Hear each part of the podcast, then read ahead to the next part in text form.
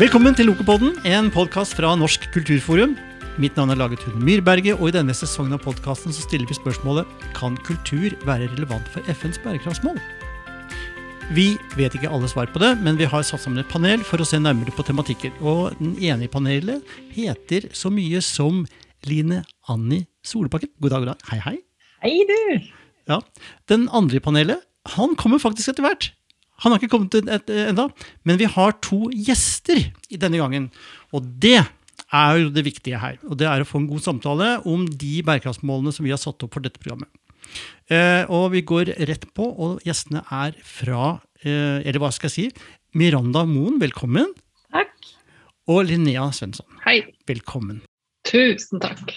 Dere har jo et felles prosjekt som dere har jobba mye med, og som har ført fram til det som heter Grønt veikart. Og det er jo veldig konkret, en veldig konkret tilnærming på kulturfeltets muligheter til å bidra til å nå bærekraftsmålene. Kan dere fortelle oss litt mer om eh, hvordan dette kan brukes? Linnea? Jeg begynner, jeg. Fordi jeg er jo bare innom en liten sving her. Vi er jo litt eh, travle, rett og slett. Men dette handler jo om å eh, hjelpe hjelpe alle typer aktører i gang mm. med å se hva som eh, kan tas tak i. Mm. Og eh, det er ikke noen sertifisering, det er ikke en håndbok, men det er et slags, uh, hva skal man si, um, en rettesnor, et veiledende dokument, en slags strategi, om du vil, mm. hvor man uh, kan som organisasjon eller prosjekt eller virksomhet følge de ti strakstiltakene for den type virke, virksomheter. Og så har vi fem eh, strakstiltak for eh, kunstnere og altså artister, ja. utøvere, kulturarbeidere. Mm. Og så har vi fem eh, strakstiltak til myndighetene. Så mm. her er det noe for alle. Ja. Hva tenker du er det viktigste fra den prosessen dere har hatt, og det dokumentet som foreligger? Jeg øh, har jo min bakgrunn i bl.a. Øyafestivalen, og med all respekt var litt sånn lei av å alltid høre om Øya, hvor flinke Øyafestivalen var. Selv om de er virkelig verdensledende og superflinke. Så jeg gleda meg til å bli kjent med hele kunst- og kulturfeltet i Norge for å se hva som gjøres. Mm. Jeg tror nok øh, jeg hadde en sånn tese om at kanskje, mange gjør kanskje mer enn de tror. Og så er det en del uvitenhet. Og fikk egentlig langt på vei bekrefta den, og ikke minst møtt mange nye eksempler og historier, og ikke minst et gigastort engasjement og veldig mange store grønne hjerter. Så dette mm. kan Miranda utdype, for vi tar jo frem noen sånne eksempler i veikartet. Ja. Eh, så, så, det jeg tenker det viktigste er å liksom har sluppet til flere stemmer og vist mangfoldet. For det er jo helt vanvittig eh, stort engasjement for dette. Ja, Miranda, det er mange som bidrar? Det er mange som gjør noe? Ja. Eh, jeg eh, sitter jo egentlig igjen med følelsen etter vi har lansert dette veikartet, av at det finnes håp.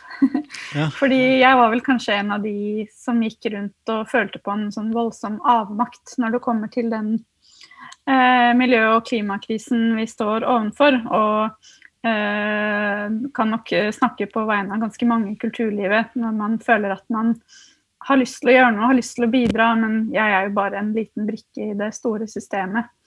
Og så blir man jo veldig bekymret selvfølgelig når man leser eh, mediesaker om at eh, regnskogen brenner og Greta Thunberg eh, står og skriker om at eh, ingen gjør nok. ikke sant? Eh, og det er jo helt sant, det hun eh, sier for så vidt. Men samtidig så eh, ser vi jo eh, gjennom dette veikartet at det gjøres utrolig mye bra. Eh, både på en måte eh, på det praktiske nivået ute i feltet, både på idénivå og praktisk nivå.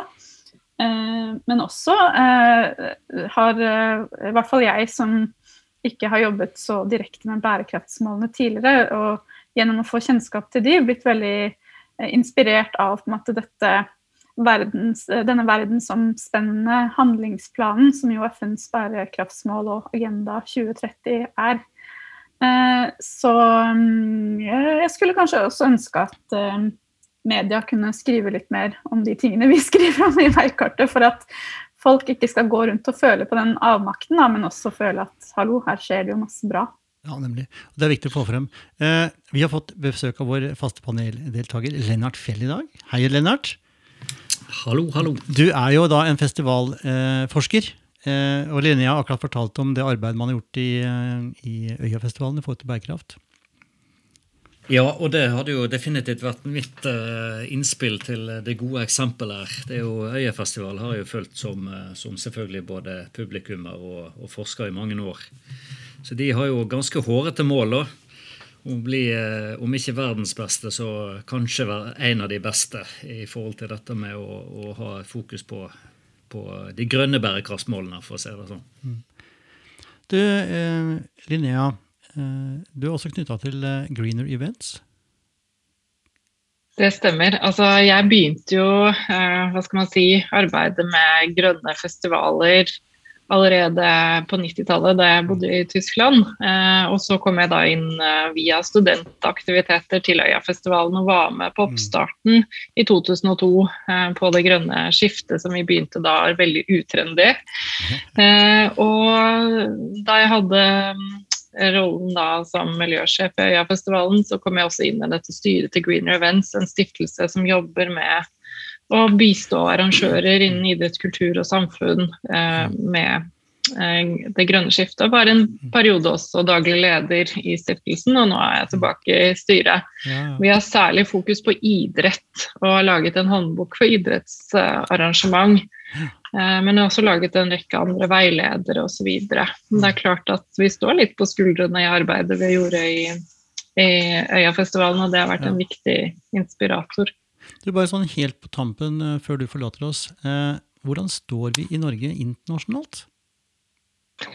Festival, altså, festivaler som Øyafestivalen er jo i, i, i, ganske langt i front. Um, og jeg syns idretten er ganske langt bak, eh, dessverre. Eh, der skjer det lite i forhold til andre land som vi kan, kunne sammenligne oss med. Mm. Så det er min bekymring egentlig litt, og det er jo derfor også Green Revenge har satt særlig fokus der. Ja. Ellers så tror jeg museer f.eks. Mm, er ikke så verst. Eh, I Tyskland så har de en tilsvarende kampanje som er statlig finansiert, i motsetning til Grønt veikart, som jo var eh, på en måte privatfinansiert av styringsgruppa.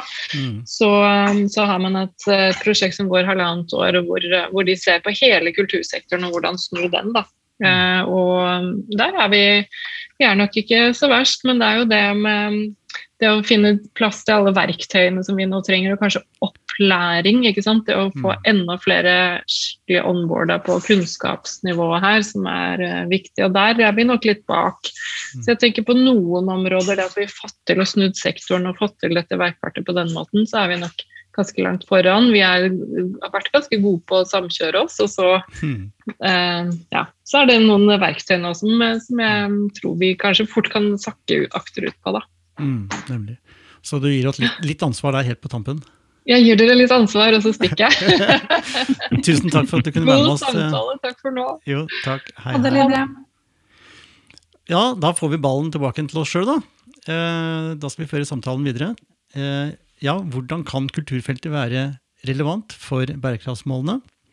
Festivalforsker Enhard Fehl, fortell oss. Hva var ditt eksempel til dagens episode? Jo, altså, Eksempelet mitt var jo Øyafestivalen. da. Ja, det var det, ja. Ja, det var det. Der sa vi, altså. Det, for De var nemlig en av de aller første festivalene som uh, hva skal jeg si, mange hadde fokus på uh, å, å, ta vare på natur og miljø. Men de tok det et steg lenger uh, og gjorde det litt mer instrumentelt. Og, og, og, gjorde det nærmest til en type ideologi. sant? og og da tror jeg kanskje en av de tingene som kunst og kultur eh, ikke bare kan veldig godt, men bør eh, dras inn i. Og det er da å formidle hvor viktig dette her er, og hvordan jeg kan gjøre å være de gode inspiratorene til store folkemengder der det er ganske intensivt eh, på en festival, f.eks., å få trukket ned et sånt godt budskap som dette her. Ja. Det der liker du, Miranda? Ja, eh, jeg kan jo eh, utdype litt det Linnea nevnte når det kommer til at museene har kommet ganske langt. Mm. Med tanke på hvordan kultursektoren kan bidra til bærekraftsmålene. Mm. Fordi museene har faktisk laget et eget verktøy, en håndbok, som heter Museums and the Sustainable Development Goals. Ja. A how-to guide for museums, galleries and the cultural sect sectors and their partners. Wow. og den uh, lot vi oss uh, Vi har lest den uh, og lot oss også inspirere av den, og har også trukket den frem i Det grønne veikartet. Og de har jo da laget en guide hvor de på en måte brekker ned alle 17 eh, bærekraftsmålene, og også alle de 171 eh, Ah, er det vel underdelmålene. Ja, delmålene. Så det er et veldig grundig verktøy, eh, strategisk verktøy, eh, som også på en måte slår fast at eh, museet da, er jo en eh, sentral møteplass og arena sant, for, både for ut, utdanning og kulturutveksling i samfunnet. Så det er jo eh, en veldig god mulighet til å, eh, ja, sånn som du nevnte, formidle og eh, undervise om bærekraftsmålene. Mm. Så den anbefaler jeg på det sterkeste. Og den, er, den ligger også tilgjengelig på nett. Og har, jeg har også forstått at den har blitt veldig veldig mye brukt også ut, utover museumssektoren. Eh, blitt lastet ned flere tusen ganger. Så um, Mm. i museumssektoren så har de også veldig stor tro på at uh, yes, we can. Ikke sant? Ja, jeg synes det er veldig fint at Veikartet har trukket fram museum eh, som eksempel. Altså, du har vært inne på noen museer er jo, Det gjelder jo flere kulturinstitusjoner som er både opplevelsesinstitusjoner og kunnskapsinstitusjoner sant, som har en, en, en ganske sterk posisjon da, i samfunnet. Og nå har vi nettopp fått en ny museumsmelding. Og i, den, I starten av den så står det jo egentlig ganske sånn vakkert beskrevet at, at museene bidrar til vår egen tids forståelse av oss selv. Både hvem vi har vært, hvem vi er, og hvem vi vil være. Og det egentlig Å ha den posisjonen og kunne bidra med den formen for refleksjon er jo utrolig en, en sterk posisjon å ha. da. Så museet kan jo både gjennom sin pedagogiske opplevelsesbaserte virksomhet påvirke vårt tankesett, og så kan de òg være med å gå foran som institusjoner som, som sjøl òg jobber og drifter bærekraftig. Ikke sant? Både altså, gjennom noen ting så enkelt som eh, å, å ha et bevisst forhold til sine forbrukermakt, klimaregnskap, avfallssortering, og sosial bærekraft gjennom organisasjonen i mangfold, likestilling osv. Miranda? Ja, fordi eh, jeg har jo kanskje vært det man kan kalle et eh, likestillings- og mangfoldsalibi i utformingen av dette veikartet, ettersom jeg har en bakgrunn i dette arbeidet i kulturlivet, og også har en mastergrad i likestilling og mangfold, eh, hvor jeg Mm. skrev om også hvordan dette gjøres i kulturpolitikken. Mm. Eh, så det jeg også liker veldig godt eh, med hva denne museumsguiden får frem, er jo også at eh, klimarettigheter og menneskerettigheter eh, henger sammen. Mm. Eh, og det også er noe bærekraftsmålene til FN handler om. Eh, og også at man ikke kan på en måte eh, Hvis man skal først jobbe strategisk med FNs bærekraftsmål, så kan man ikke altså ideelt sett da ikke velge seg ut noen mål, men jobbe med de på den måten at man eh, må tenke at alle bærekraftsmålene henger sammen. Ja. Eh, så det er jo også veldig viktig å ha med seg da, hvis man først vil eh, jobbe strategisk med bærekraftsmålene. Eh, og det er jo på en måte F.eks. I, i Norge eh, så ser vi jo at, eh, at eh, klimarettigheter og menneskerettigheter henger sammen med tanke på ur, urfolkssituasjonen i Nord-Norge. Mm. Eh, så det, eh, og også eh, museene har jo for så vidt også sett i Norge hvordan klima, eh, altså klimasituasjonen påvirker eh, museet som et verneverdig bygg. Mm. Men jeg synes det er så morsomt, eh, altså Når vi har trakt fram museene, så har jeg lyst til å slå et lite slag for, eh, for bibliotekene nå, da, som en annen kulturinstitusjon. Og Det var mitt eksempel i dag. da lager Ja. Du etterlyser eksempler.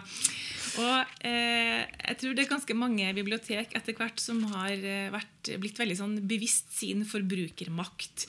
Eh, og eh, tenker gjennom hvordan de innreder bibliotekene, rett og slett. Eh, de har liksom sånn strategi på at de skal ha noen ting som er gjenbruk, og så skal de ha noen ting som er redesign, og så skal de gjerne ha noen ting som er kjøpt av norske produsenter, eller en kombinasjon av det her.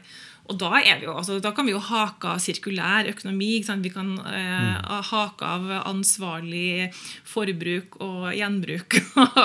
og utrolig mye knytta til bærekraftsmål. og så er det jo, så leste jeg en artikkel for en stund siden som var litt morsom, fordi den påsto at biblioteket på mange måter fant opp gjenbruket. Oi. Og det har de litt, litt, rett i, fordi at hele konseptet bibliotek er jo bygd på tanken om å dele brukte bøker. Eh, og så har jo bibliotekene i de siste årene fått en sånn utvida rolle. Vi kan låne alt fra ski til sykler og verktøy og hva det nå skal være på biblioteket. Så det er jo spennende rolleutvikling, da. Eh, kan jeg bare skyte inn? Jeg syns det er veldig fascinerende hvordan eh, sånne urgamle tenkemåter blir eh, trendy igjen. Og det er jo på en måte sirkulærøkonomi et veldig godt eksempel på. Mm. Eh, mm. Som eh, bl.a. Elin Wister, eh, som er en av casene i veikartet vårt, trekker frem. Eh, eh, men ja, et, bare som en digresjon, så, så var det jo stor oppstandelse når melkekartongene, eller en melkeprodusent, annonserte at nå skal vi ikke ha Eh, plastkorker på melkekartongene, fordi det, det fører til mer, eh, mer, avfall. Men eh, det var jo sånn det var for lenge siden, så hvorfor kan vi ikke bare fortsette å gjøre de gode tingene for miljøet?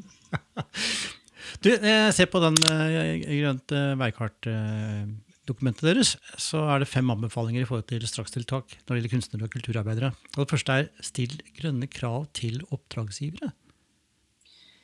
Ja, det, altså den mest um, uh, naturlige å trekke fram da, er jo f.eks.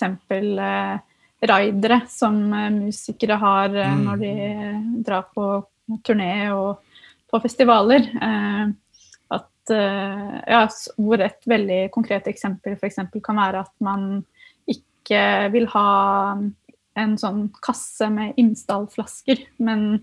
Eller uh, med, man kan jo ha med seg sin egen drikkeflaske. Uh, eller um, i hvert fall si at uh, for meg holder det med én drikkeflaske som jeg kan fylle på vann på på nytt. Mm.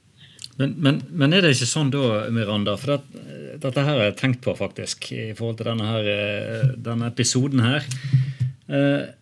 Vi, vi, har jo ofte snakket om uh, kunst for kunstens uh, egenart og, og, for sin egen del etc.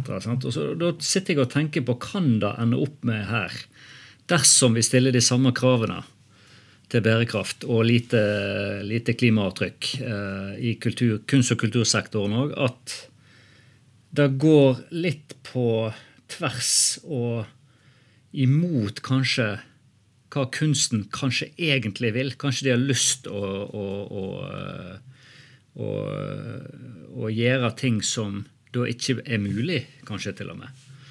Hvis du forstår spørsmålet. For det, jeg, tenker det er jo um... Spørsmålet eller problemet du tenker på? Det høres ut som du har en sånn slags filosofisk eh, tankerekke ja, rundt det her. si, si, at at du, er en kunstner sant, som får et oppdrag eller har, uh, har et prosjekt sjøl.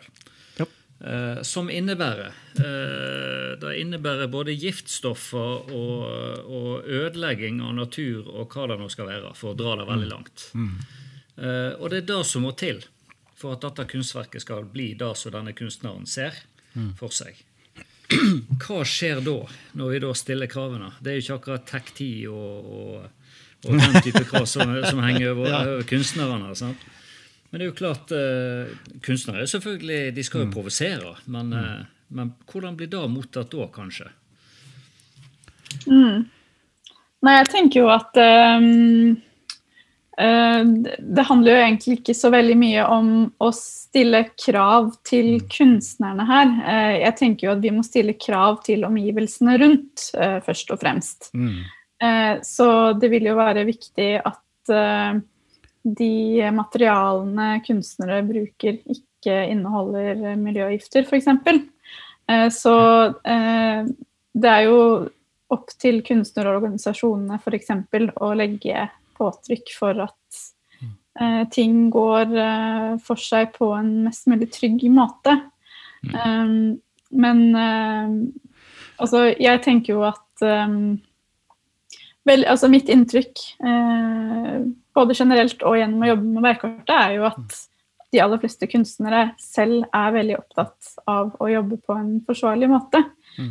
Men, um, men uh, når det kommer til det med at selvfølgelig kunsten skal være fri osv., så, videre, så er det jo ikke kunsten vi ønsker at skal endres, men heller omgivelsene rundt som Ja. kan bidra til at ting går for seg på en uh, miljøforsvarlig og bærekraftig måte. Det er Veldig bra poengtering av den frustrasjonen nå Lennart satt med på andre siden av eh, Norge i forhold til eh, litt østlandsgeografiske plassering nå. Men eh, jeg tenkte på én ting, Lennart. Det er Jeff Kuhn. Eh, Han lager jo gigantiske eh, eh, skulpturer Mm. som ser ut som, som Men modellen for dem er jo oppblåsbare plastikkdyr. Mm. Men det er jo definitivt ikke plastikk han bruker. Nei. Nei. Nei, altså Det lar seg jo selvfølgelig gjøre dette. Det er jo ikke det, er ikke det jeg sier. Men jeg tror vi vil oppleve at noen føler at å nei, her blir jeg tvunget til et eller annet som uh, gjør at uh, mitt uttrykk ikke vil komme til sin rett. Og selvfølgelig, det gjelder nok ikke de fleste, for å si det sånn. Men så er det kanskje et jævla kreativt handlingsrom da, nettopp å klare å utfordre seg selv på materialvalg for å prøve å få frem et nytt uttrykk eller et nytt budskap. Mm, Som en, som en kritikk eller kommentar til det også. Tror du Line? Ja, men jeg tenker altså, det her handler jo ikke nødvendigvis, eh, eh, som Miranda har sagt, om, om påbud eller krav, eller noe sånt, men om rett og slett å oppfordre oss alle til å ta ansvar. Hver enkelt av oss. Og det er vi faktisk nødt til å gjøre eh, overfor de eh, utfordringene vi står eh, foran. Eh, og så er det, tenker jeg at Nå skal vi gjøre bærekraftsmålene relevant og forståelig lokalt og regionalt. ikke sant? For bærekraftsmålene er internasjonale. Og samtidig så må vi alltid huske på at vi alle står i en større helhet. Sånn at det vi gjør, om det oppleves som lite for oss, så er det likevel viktig. Altså Mange bekker små gjør en stor å. ikke sant? Så jeg tror aldri vi skal tenke at, at det, det lille jeg bidrar med, er ikke så farlig, kanskje. Det er nettopp det som er poenget, at vi alle sammen må bidra med det vi kan bidra med. Og så opplever jeg ikke på noen som helst måte at man, man forsøker å begrense kunst kunstnerfriheten, rommet kunsten skal ha i samfunnet som både provoserende og alt annet, men, men at vi alle sammen skal ta, ta et ansvar eh, for rammene som, som vi har vært inne på. da.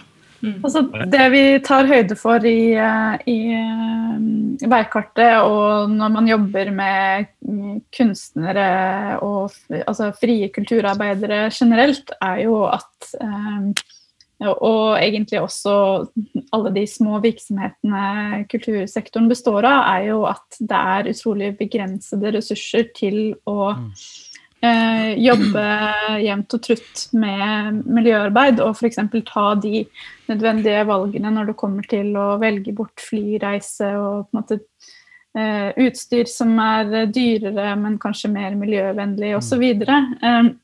Så, um, altså, igjen så tenker jeg at det handler så mye om eh, altså hvilke, ja, hvilke ressurser som er tilgjengelige, og hvordan, hvordan vi kan gjøre de tilgjengelige, hvordan vi kan gjøre og ta, som eh, Elin Wister sier veldig klokt eh, i veikartet, og liksom, hvordan kan vi hjelpe kunstnere og små kulturvirksomheter med å ta de eh, nødvendige miljøvalgene, men også ofte dyre valgene. Jeg tenker litt, For å være litt konkret her, jeg ser, eh, Dere har da fem anbefalinger strakstiltak i forhold til kunstnere og kulturarbeidere, nevnte jeg i. Men så har dere også fem strakstiltak i forhold til myndigheter. Ja, Der ligger det en del eh, goody things.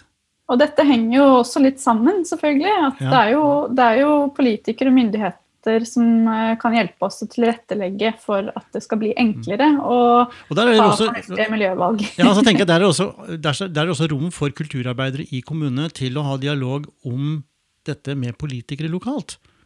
Mm. Ja, jeg tenker jo også at igjen så skal man ikke Altså det er jo selvfølgelig eh, forskjellig fra kunstner til kunstner hvor politisk aktiv man er og, og vil være og har tid til å være. Mm. Eh, men eh, vi har jo et veldig godt organisert kulturliv, og Mm. eh, vi ser jo at organisasjonene også jobber hardt på vegne av sine, sine kunstnere, sånn som Creo har jo eh, stått på nå i koronatiden. Mm. Eh, Så um, det er veldig Altså, jeg personlig er jeg veldig for at eh, kunstnere skal være politiske, men eh, igjen så tror jeg at eh, vi må på en måte hele tiden ha i bakhodet at i kulturlivet så er det, er det ressurser det ofte står på, da.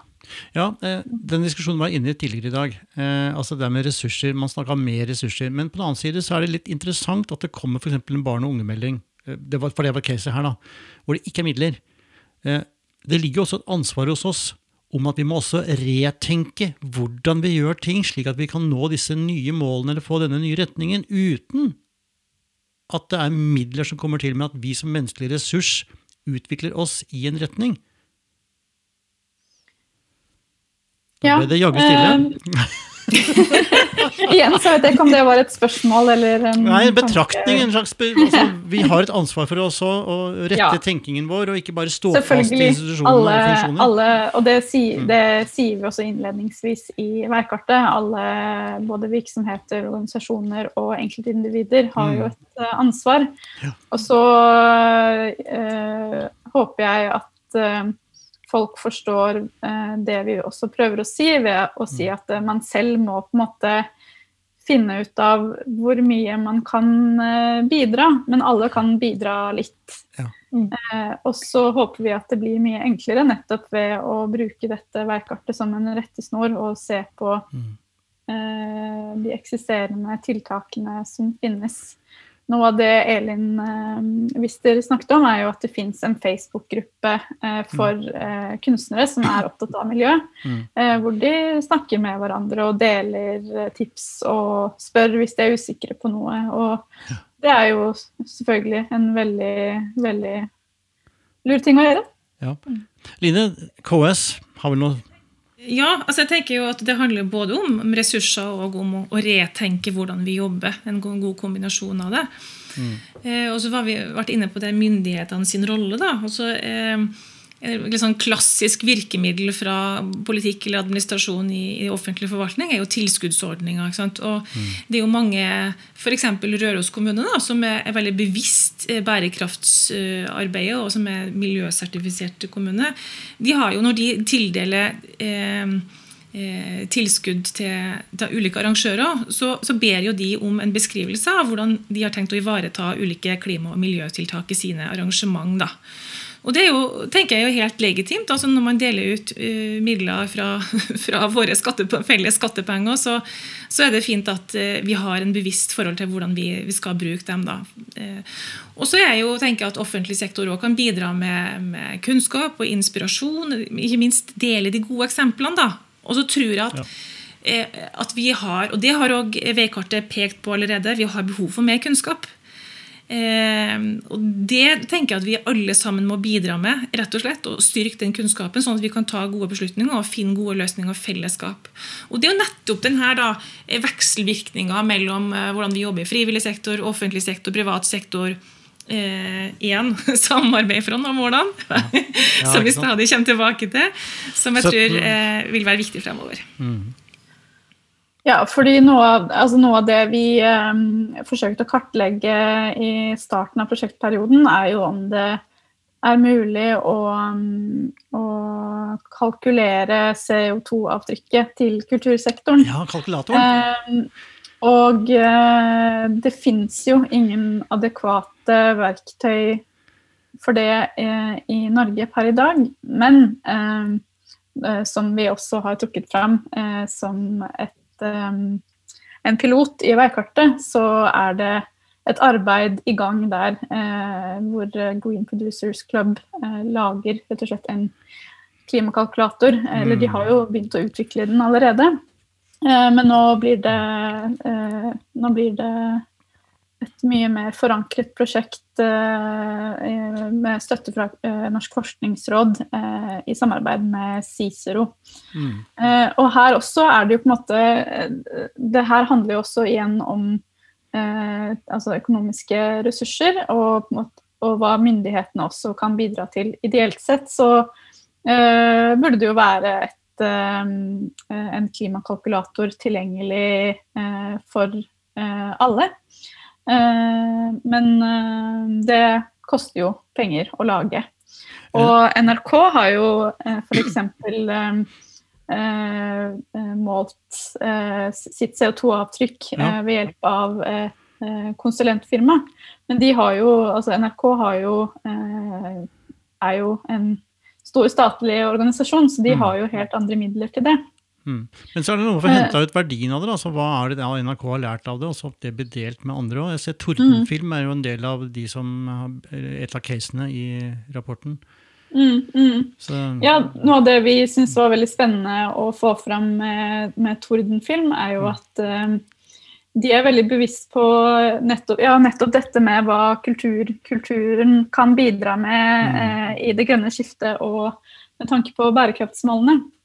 Fordi de eh, både på, et praktisk nivå og liksom produksjonsnivå som eh, filmproduksjonsselskap, så har de gjennomgått eh, hva de kan gjøre, og, og eh, klimatiltak, bl.a. å bruke mm, elsykler istedenfor uh, leiebiler osv. Ja.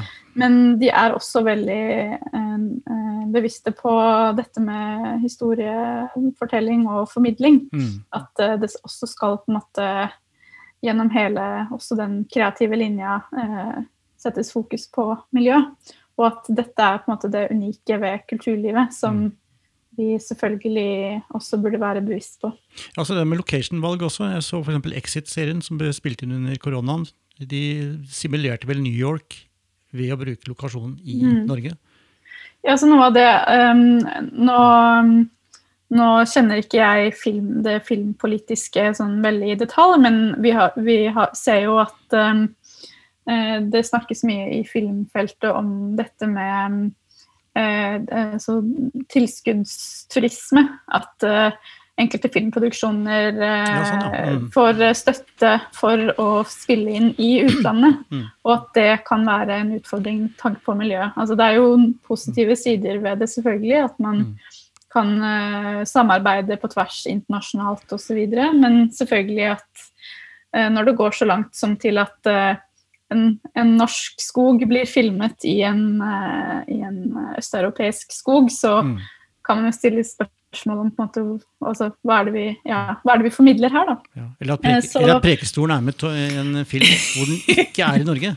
Ja, Jeg skulle- si det. Så nå, det er jo det, det, er jo noe det, ja, det er noe av det vi har trukket frem i, i eh, Tordenfilm som eksempel. At eh, de sier før har man måttet reise ut av landet selv for å lage film om og med norsk kultur og natur. Mm. Men uh, nå tenker man vi skal ikke reise. Mm. Så vi, vi ser definitivt også at eh, korona har satt sitt preg på miljøbevissthet i kultursektoren, og at, s- som også NRK snakker veldig godt om, syns jeg, i det eksempelet i veikartet. Ja. Har, så tenker man på en måte Eller man burde tenke istedenfor nå, nå, nå savner vi hvordan det var i 2019, og det blir så fint å komme tilbake sånn som ting var før. Ja, ja. Så burde man heller tenke nå må vi bruke korona som en eh, eh, omst altså omstillings, eh, et omstillingsgir og tenke Mm. fremover. Hva kan vi, hva kan vi gjøre nå? Ikke sant? Hvordan kan vi lære av korona til å gå inn i den neste og løse den neste krisen? Ja, jeg syns det er veldig viktig det du sier der nå. For at, eh, du, du kan jo godt si altså, nød lærer naken kvinner spinne osv. her. sant? Altså, hvis de hadde hatt muligheten, hadde de allikevel da reist til New York hvis ikke korona hadde vært. Men samme da, da likevel har det åpnet opp for en mulighet som viser at det lar seg fint gjøre, og ikke nødvendigvis reise til, til New York. Og så har jeg bare lyst til å si, Det var en grunn til at jeg provoserte i stad. Ja. Og det handler nemlig om at altså FN sine bærekraftmål sant? det handler jo om et mindskifte. egentlig. Det handler om et stort paradigmeskifte vi er en del av alle sammen. sant? Ikke bare kunst- og kultursektoren.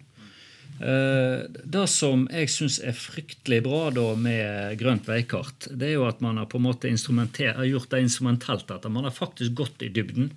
Eh, og, og strategisk for å se hvordan faktisk kunst og kultur kan brukes. Og det er superbra, syns jeg. Og det der med, med, med denne her klimakalkulatoren, det er genialt. Men du finner òg f.eks. i privat næringsliv. De er kommet ganske langt der òg, i stor grad. Mm. Så det er bare da at kunst- og kulturfeltet må gjøre akkurat det samme som resten av samfunnet. Og det er jo da FN bærekraftsmål peker mot. Det er helheten i dette her. sant? Og, og da å formidle og forandre dette her mindsettet vårt mm. til å få denne forståelsen, da er jo pri én. Målene er der framme. Og på et eller annet tidspunkt så, så, er vi der at det er mye enklere å faktisk sette i verk det som dere har gjort nå i forhold til uh, grønt veikart, f.eks. Det blir enklere når mindskiftet nærmer seg denne forståelsen. sant? Og det er jo der kunst- og kulturfeltet har muligheten og er dyktige på å formidle og inspirere. Og det var det jeg mente helt til å begynne med òg.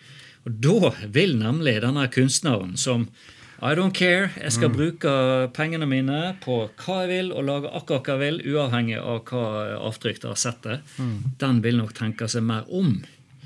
Så det, det, er noe med å skape disse gode, helskapelige rammene i hele verden. for den saks skyld. Det er jo derfor det er FN sine bærekraftsmål. Så da tenker jeg at eh, Grønt veikart er et ekstremt viktig grep for kultur- og kunstsektoren nå. Eh, det er steg nummer to på mange måter. Sant? I mitt hode iallfall. Så det er godt jobba. ja, sånn. virkelig, virkelig godt jobba. Jeg tenker jo også at uh, man samtidig må ha to tanker i hodet her. Da. Fordi ja, eh, eh, kulturlivet kan bidra på sin egen måte. Samtidig så er eh, folk i kulturlivet også helt vanlige folk. mm. Og jeg eh, ser jo også på en måte noen likhetstrekk når det kommer til disse forventningene til hva kulturlivet kan gjøre på en annerledes måte enn alle andre sektorer, også når det kommer til, til likestillings- og mangfoldsarbeid. Ja, jeg tenker at Noen ganger så må vi kanskje også liksom tørre å innrømme at uh, er vi egentlig så veldig annerledes? Kanskje vi egentlig trenger de samme verktøyene og de samme, de samme, den samme kunnskapen som alle andre. Mm. Samtidig som vi det, det, som også gjør kulturlivet annerledes, er jo det at det foreligger mye mindre særlig økonomiske ressurser. Men viljen er jo der. Ja, Der synes jeg dette beikartet er veldig bra. Det er sånn type Tenk igjennom ditt eget avtrykk. Altså Det setter i gang prosessen av å bevisstgjøre seg på hvilke avtrykk man selv har. Og så er det da prioriter egne tiltak i forhold til det. Og sett dine egne ambisjoner. Det plutselig så blir det noe vi kan gripe fatt i som prosess. Oppdater deg og del gode ideer med andre. Det er jo jæskla flott, altså. Og det, det, er veldig bra. Ja, altså jeg hadde gleda meg til denne episoden, fordi jeg syns den var, er veldig viktig. For nå har vi i denne podkastserien har vi brukt eh, mye ord på å snakke om hvordan kulturfeltet gjennom sitt eh, formål, tankesett, metodikk, kompetanse osv. kan bidra til å nå alle bærekraftsmålene. ikke sant? Mm. Men nettopp det at vi nå ser litt inn i vårt eget uh, rede, da, og ser på hvordan vi sjøl kan bidra til å drifte og, og handle mer bærekraftig, mm. er òg utrolig viktig. og Derfor så syns jeg synes denne episoden var viktig, og jeg syns Det grønne veikartet er et utrolig bra initiativ med masse håndfast og konkret som går an å ta tak i. Så applaus mm. herfra. Ja. Det er veldig bra. Det er en helt fantastisk eh, kommentar i forhold til at vi går inn for landing. Eh, jeg har lyst til å ta eh, nettopp derfor bare ta en liten runde eh, rundt i panelet nå eh, på Lennart, oppsummert. Hva tenker du er viktigst for kulturfeltet nå i forhold til å ta tak i eh, det grønne veikartet? Det er jo selvfølgelig å gjøre seg kjent med det, eh, tenker jeg. Mm. Eh, det, det, er liksom det første. Og så selvfølgelig da inkorporere det i sin filosofi og ideologi i forhold til hva man holder på med. Mm. Om det er et idrettslag, eller om det er en, et museum, eller hva det nå er, om det er en festival. Ta det til seg, bruke det. Her kan man jo bruke alt fra eh, nærmest instrumentelt til, til, eh, til, eh, filosofien i det. Line? Eh, jeg henger meg litt på det. altså Rett og slett eh, få bærekraft inn i det her mindsettet som Lennart viser til. ikke sant? At vi ikke tenker at ok, nå skal vi sørge for innhold og transport og bespisning og sånn. Og så var det var bærekraft, ja. Det skulle vi òg tenke på. Men at vi, får, vi har det inn i tankegangen hele tida. Ja. Når vi skal bestille transport, så skal det være et bærekraftig valg osv. Legg bærekraftsmål som grunn for all kulturpolitikk og aktivitet. Ja! Nemlig. Miranda, Ja, eh, jeg kan jo um, avslutte med å si at eh, i lanseringen av veikartet så ble dette potensialet eh, veikartet har for kultursektoren oppsummert veldig greit med at eh, det byr på et felles språk for det grønne skiftet og arbeidet med bærekraftsmålene i Mm. kultursektoren. Og så eh, snakket vi også om at eh, korona har vist oss at eh, de politiske tiltakene kommer når eh, vi virkelig trenger de, og vi kan også stille oss om på en så omfattende måte eh, og fort. Mm. Og det er også eh, noe vi kommer til å trenge i det grønne skiftet. Så det blir spennende å følge med på hva myndighetene får til der også, av krisehåndtering fremover. ja, det er fantastisk. Eh, tusen takk eh, for de orda, Miranda Moen. Eh, takk til mitt faste panel, Line Anne Solbakken og Lennart Fjell. Og takk til eh, Linnea Svensson, som var innom i begynnelsen av denne podkasten. Og takk til dere som lytter på oss. Også en sterk oppfordring fra oss alle. Samarbeid med lokale samarbeidspartnere for å nå måla. Du har hørt en episode fra Nokupodden. Den er produsert for Norsk kulturforum, som er interesse- og kompetanseorganisasjon for kultursektoren i kommuner og fylkeskommuner over hele landet. NOKU handler om å samle og dele kunnskap og erfaringer for å styrke den lokale kultursektoren. Vi brenner for aktivt og engasjerende kunst- og kulturliv som skaper gode lokalsamfunn og gir mennesker økt livskvalitet. Vi håper du likte episoden, og at du finner mer interessant i andre episoder som vi også har liggende på våre kanaler. Produksjonen er gjort av Lagetun Myrberget for Storyphone, spesialister på digital kultur. Vi høres i neste episode.